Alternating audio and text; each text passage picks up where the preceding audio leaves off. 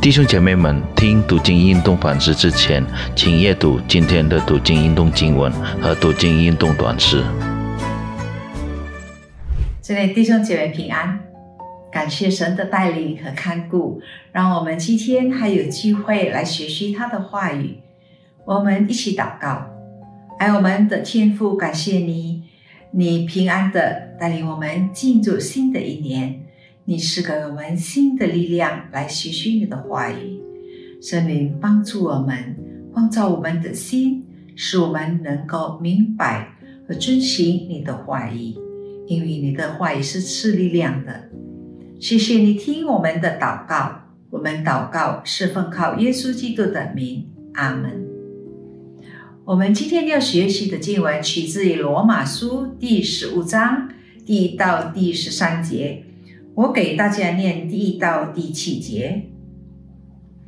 我们坚固的人应该担待不坚固人的软弱，不求自己的喜悦。我们个人不要叫灵士喜悦，使他的益处建立德行。因为基督也不求自己的喜悦。如经上所记，辱骂你人的辱骂，都落在我身上。从前所写的圣经都是为教训我们写的，叫我们因圣经所生的忍耐和安慰，可以得早盼望。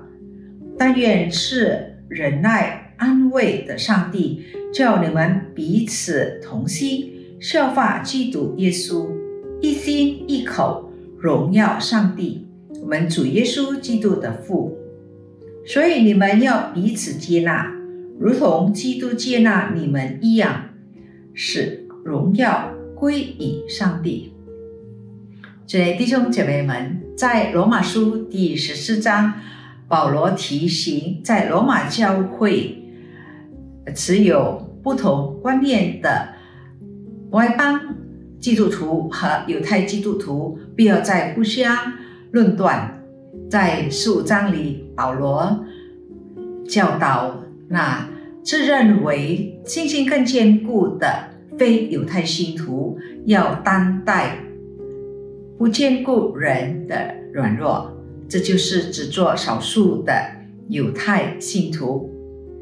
保罗劝那非犹太信徒不要只求自己的喜悦和利益，这意味着他们必须有耐心，彼此交通。继续的彼此相爱，并且尊重其他信徒认为正确的信念。在这里，保罗提出三种方法，能帮助非犹太信徒，让他们能够接纳犹太信徒。第一，就是他们必须坚持圣经的教训，上帝的话语会。给他们所需要的智慧、耐心和安慰，使他们能够忍受童工的软弱。第二，就是他们要想象一个美好的结果，及一个和谐、信徒同心合意的群体，使上帝得到荣耀。第三，就是他们必须效法。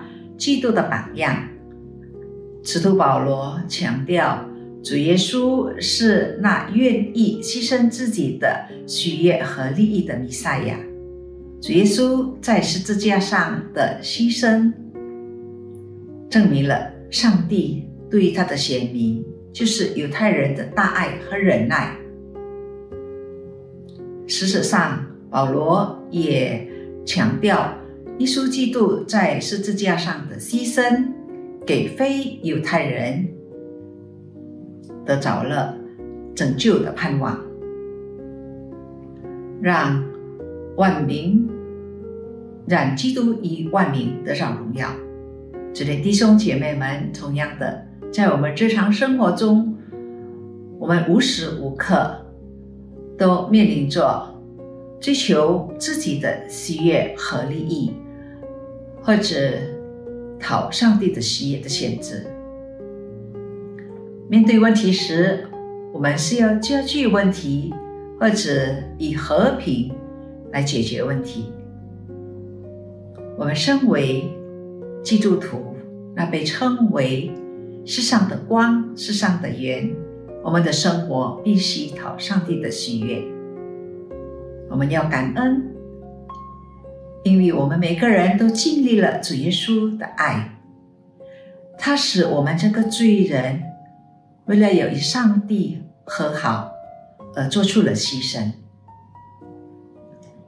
主耶稣不计较我们过去何是何等的软弱的人，但我们还是罪人，主耶稣已经接纳了我们，让我们来效法基督，我们才有办法去接纳那我们认为比我们软弱的人，才有办法去爱那我们认为不可爱的弟兄姐妹们。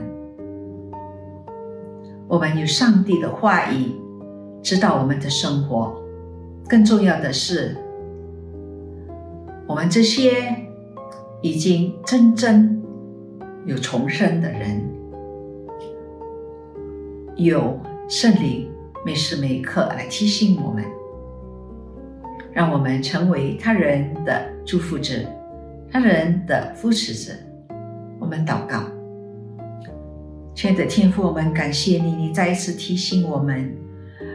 我们成为你的儿女们，必须彼此建立、彼此接纳，因为你在我们还是罪人的时候，你已经接纳我们，让我们能合作，成为同心合意的信徒的群体，让很多人看到我们见证，他们也能接受你做他们个人的救主。我们谢谢你爱我们。求你帮助我们，可以做到你要我们做的。我们祷告是奉靠耶稣基督的名，阿门。愿上帝赐福于我们。